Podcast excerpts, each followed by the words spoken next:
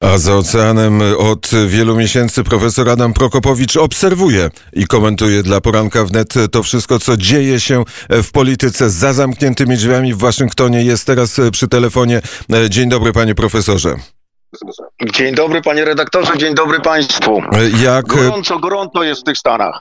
Jest gorąco w Waszyngtonie, jak przeczytałem prognozę pogody, pada deszcz, a inna informacja w Białym Domu koronawirus. Jak to wszystko wygląda teraz po pierwszej debacie Donalda Trumpa z Joe Bidenem?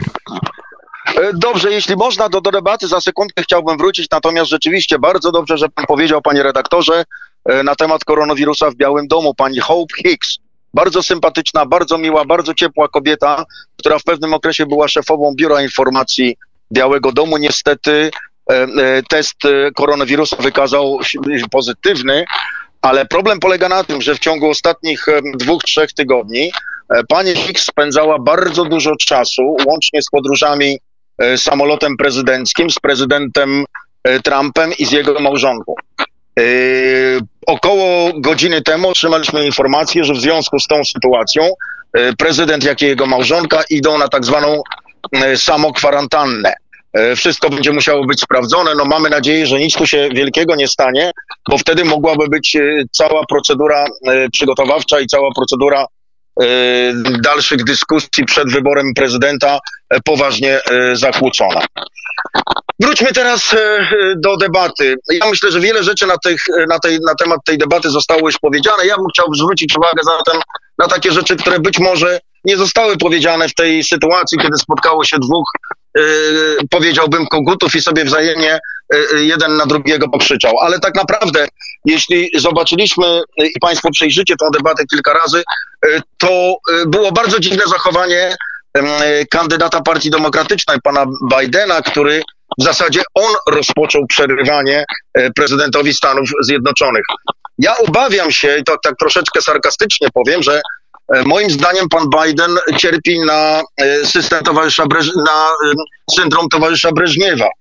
Otóż jak państwo pamiętacie, towarzysz Breżniew przez ostatnie dwa lata był utrzymywany ze względu na swój stan zdrowia przez zastrzyki, przez branie proszków i tak dalej. Wydaje się, że zachowanie pana Bidena jest bardzo podobne e, i są bardzo duże zastrzeżenia co do jego stanu zdrowia. Natomiast w kilku sytuacjach, jak na przykład podczas tej debaty, jak podczas debaty z e, panem Sandersem wcześniej e, w wyborach Partii Demokratycznej, nagle dostaje wielkiej energii i nagle jest niesłychanie agresywny. Więc e, albo były to proszki, albo wyszedł charakter pana Bidena, który po 47 latach prawdopodobnie zas- zaczyna być zgorzkniałym starym mężczyzną, który bardzo lubi e, wykrzykiwać na kogoś i obrażać e, przeciwników. A przy tym obrażaniu jest jedna bardzo ciekawa rzecz. Nie odpowiedział na żadne konkretne pytanie.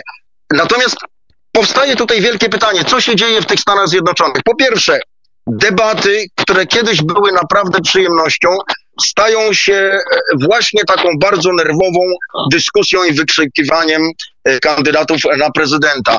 Ale moim zdaniem w bardzo dużym zakresie winny za to jest prowadzący dziennikarz z niby prawicowej stacji Fox, e, który zdecydowanie zadawał pytania takie, które denerwowały i podjudzały prezydenta Stanów Zjednoczonych, ponieważ jednocześnie atakowały jego dorobek i atakowały jego pozycję jako prezydenta Stanów Zjednoczonych. Zastanawiam się teraz, jakie są te mechanizmy. No i próbuję te mechanizmy znaleźć. Stacja Fox, która była stacją bardzo prawicową za starszego pana Murdoka, czyli szefa wielkiego konglomeratu prasowego, nagle zaczyna być coraz bardziej lewicowa. Stację przejęli synowie pana Murdoka, ale ciekawe rzeczy i być może mam rację, być może nie mam racji. Otóż y, jedną z osób, która ostatnio została dołączona do zarządu Radia Fox jest niejaki pan Paul Ryan. Paul Ryan to jest y, republikanin, były marszałek Izby Reprezentantów, który w 2012 roku łącznie z Mittem Romney był y, kandydatem y, na wiceprezydenta Stanów Zjednoczonych. Y, Przegrali tą, tą konkurencję, ale pan Ryan, y, kiedy prezydent Trump objął y, władzę, zapewnił prezydenta, że on ma przygotowany jako szef większości w Izbie Reprezentantów plan rozwiązania sprawy y, ubezpieczenia zdrowotnego dla obywateli Stanów Zjednoczonych. Po iluś tam miesiącach okazało się, że ani planu nie ma, albo ani nie ma możliwości przeprowadzenia czegoś konkretnego e, przez e, Izbę Reprezentantów. Prezydent Trump, tak jak to prezydent Trump oczywiście powiedział, co na ten temat myśli i panowie są w dosyć ostrym w tej chwili konflikcie. Zastanawiam się, czy w pewien sposób nie jest to pewna zmiana działalności stacji Fox, tak żeby jednak dopiec troszeczkę e, prezydentowi Trumpowi, bo wszyscy się bardzo dziwią, co z tą stacją się ostatnio e, dzieje. A czy nie, jest, a czy nie jest e, przypadkiem, czy nie jest przypadkiem tak, że rodzina właściciela stacji wsparła kampanię Joe Bidena i to pieniędzmi, milionami dolarów? No tak, no bo to jest bardzo duża różnica pomiędzy starszym panem Murdokiem, który od zera zarobił wszystko i stworzył ten wielki konglomerat, a teraz mamy y, synów, rodzinę, rodzinę synów pana Murdoka, którzy w zasadzie dostali wszystko za darmo. I to jest bardzo ważna rzecz, którą pan redaktor powiedział.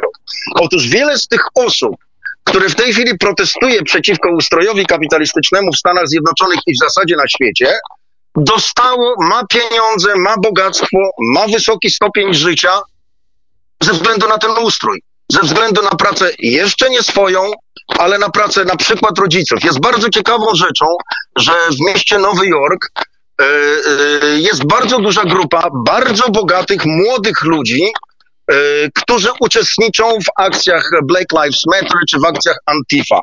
To jest po prostu ten okres młodzieńczy, ale ten okres młodzieńczy, który jest wykorzystywany w tej chwili w zły sposób, to znaczy zniszczenie tego, co jest podstawą dobrobytu i życia tych ludzi. Oni chyba jeszcze tego nie rozumieją. Bardzo często mówi się tak, że za młody trzeba być głupim, żeby później e, zostać mądrym. Ale to jest bardzo ważny proces, o którym pan w tej chwili powiedział. Wrócę do tych spraw e, troszeczkę, e, troszeczkę później. Natomiast ja pamiętam te debaty. Pamiętam na przykład debaty, w którym uczestniczył prezydent Reagan, kiedy w sposób wspaniały powiedział komuś, że swojemu przeciwnikowi, E, e, panu Mondale, że nie będę wykorzystywał do celów politycznych młodości i braku doświadczenia mojego oponenta. To była ta klasa. Dzisiaj y, musimy y, działać tak, jak nam, nam pozwalają czasy. Jak kiedyś przytaczałem takie stwierdzenie y, bardzo lewicowego The Guardian, które po wyborze prezydenta Trumpa y, powiedział, no tak, to jego, to jego przemówienie to jest takie, takie, takie, to wszystko bardzo złe, jaki ten Trump jest bardzo zły, ale ten Trump to jest produkt naszych czasów. I ta debata jest produktem dzisiejszych czasów w Stanach Zjednoczonych. Czyli tym wszystkim, co jest pomiędzy kłamstwami, przestępstwami, ludzi, którzy są w kongresie, w senacie przez 30-40 lat, ludzi skorum, skorumpowanych, ludzi, którzy nie rozumieją albo nie chcą rozumieć konstytucji e, Stanów Zjednoczonych i tych ludzi, którzy palą w tej chwili miasta w Stanach Zjednoczonych. E, e, proszę Państwa, no jeśli mówimy o tym, co się dzieje, jeśli chodzi właśnie o te tak zwane protesty, ale to nie są protesty, to są zgromadzenia przestępstw. W Stanach Zjednoczonych te straty wynikające z tych działań przewyższają już około półtora miliarda dolarów. To są takie oceny wstępne przedsiębiorstw ubezpieczeniowych. Y, rzeczy, które, które z tej debaty jeszcze warto zapamiętać, bo mało o nich było mówione.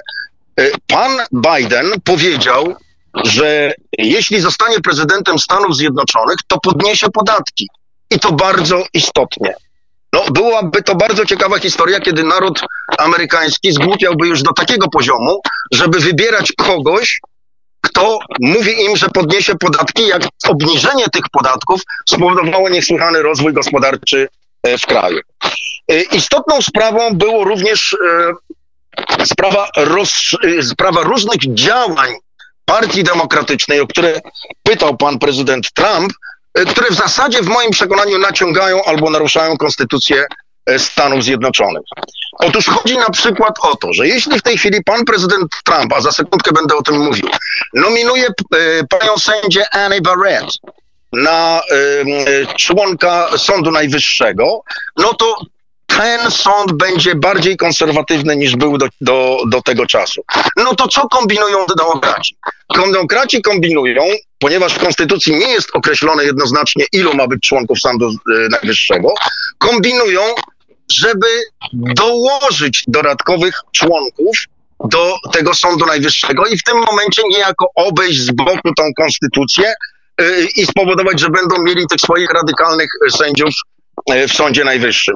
Co proponują jeszcze? No nagle się okazuje, że tych 50 stanów Stanów Zjednoczonych to nie wystarcza. Jest propozycja Partii Demokratycznej, że w wypadku, gdyby wybory poszły po ich myśli, to oni rozważą, żeby nadać prawa stanom District of Columbia oraz yy, yy, Puerto Rico, a ostatnio nawet mówi się o Guamie. Po co to robią? No jasna sprawa, to są obszary, które są bardzo demokratyczne, w związku z tym zyskaliby sześciu senatorów i iluś tam y, dodatkowych członków Izby Reprezentantów. Czyli to jest kwestia dla celów politycznych naruszania pewnego systemu y, politycznego, który y, istnieje w tym kraju. Y, ale żeby już zakończyć sprawę, dlaczego być może pan prezydent Trump zareagował dosyć agresywnie, moim zdaniem może troszeczkę za bardzo agresywnie, ale y, tego samego dnia, kiedy odbyła się debata, czyli 29 września, zdarzyła się historia, o której mało się mówi. Mam przed sobą kopię takiego listu dyrektora wywiadu narodowego Stanów Zjednoczonych, pana Johna Radcliffe'a. E, który jest skierowany do szefa e, Senackiej e, Komisji do Spraw Sądownictwa, w której w trzech punktach pan Radcliffe przekazuje informację, że w oparciu o działania wywiadu stwierdzono, że pani Clinton zaakceptowała kampanię przeciwko panu Trumpowi, żeby uwikłać go w coś, co nie istnieje, to znaczy w jakieś stosunki z prezydentem Putinem, z Rosją i tak dalej, i tak dalej. Że jednocześnie o tym wszystkim był poinformowany yy, zarówno prezydent Obama, jak również wiceprezydent Biden. Yy, w związku z tym mamy w tej chwili, rozpoczęły się natychmiast przesłuchania przed tą komisją.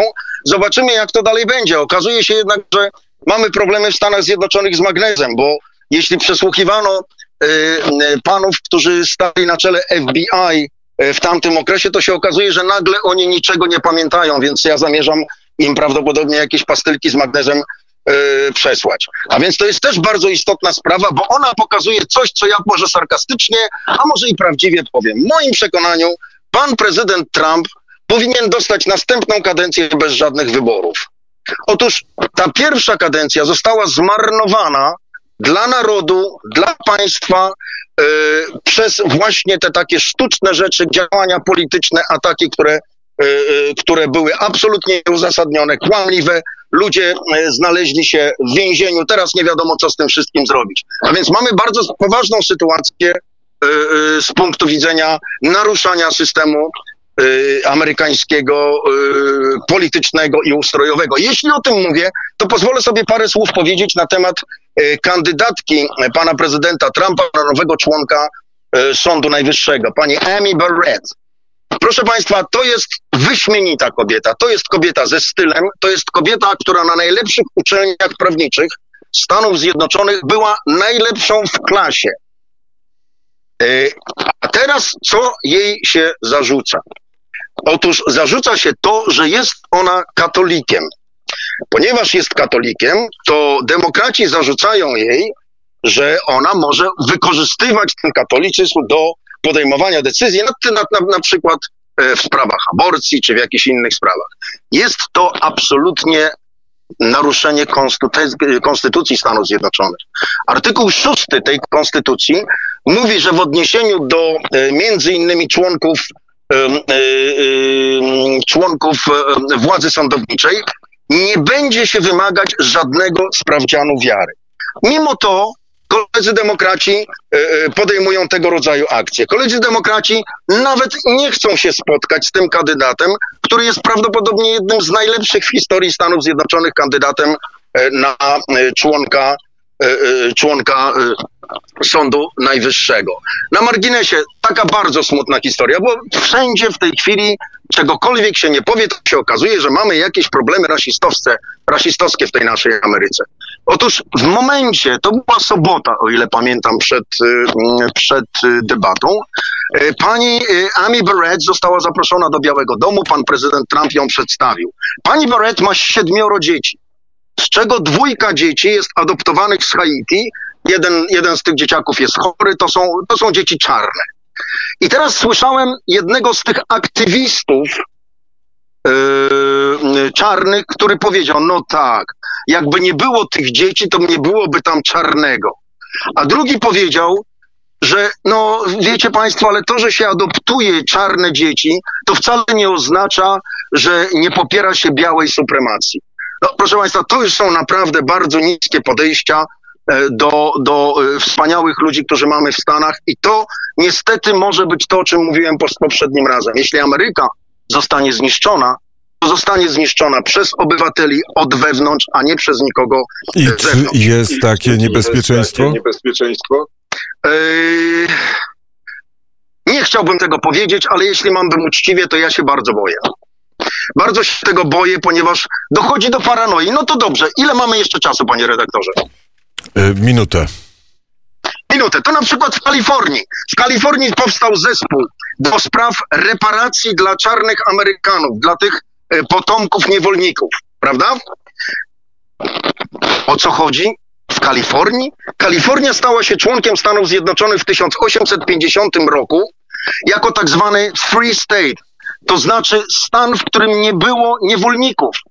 Nigdy nie było niewolników, a ze względów politycznych w tej chwili tworzy się komisję do tego, żeby dać reparacje do czarnych ludzi, potomków niewolników. Co z tego wyjdzie, jeśli chodzi o społeczeństwo, o podziały, o dyskusje, no to możecie Państwo sobie wyobrażać. E, Mam jeszcze bardzo dużo problemów, ale myślę, że to już na następną rozmowę. W każdym razie sytuacja w Stanach jest bardzo trudna i skomplikowana i chciałbym Państwu jedną rzecz powiedzieć, że to, co się dzieje w Stanach, to nie są sprawy wewnętrzne. To wpływać będzie na wszystko, co Państwo macie w Polsce, co Państwo macie w Europie i dlatego należy do tego jednak przywiązywać bardzo istotną wagę. Dziękuję bardzo. Profesor Adam Prokopowicz wróci. To ten głos odbija się aż w Waszyngtonie. Bardzo serdecznie dziękuję za rozmowę. Wróci na antenę Radia Wnet e, na pewno, bo wybory amerykańskie to rzeczywiście e, być może najważniejsze zdarzenie, które teraz się dzieje i które możemy e, śledzić w poranku wnet i nie tylko w poranku wnet. E, Posłuchamy teraz piosenki, którą e, przysłał z dzikiego zachodu z Arizony Wojciech Cejrowski.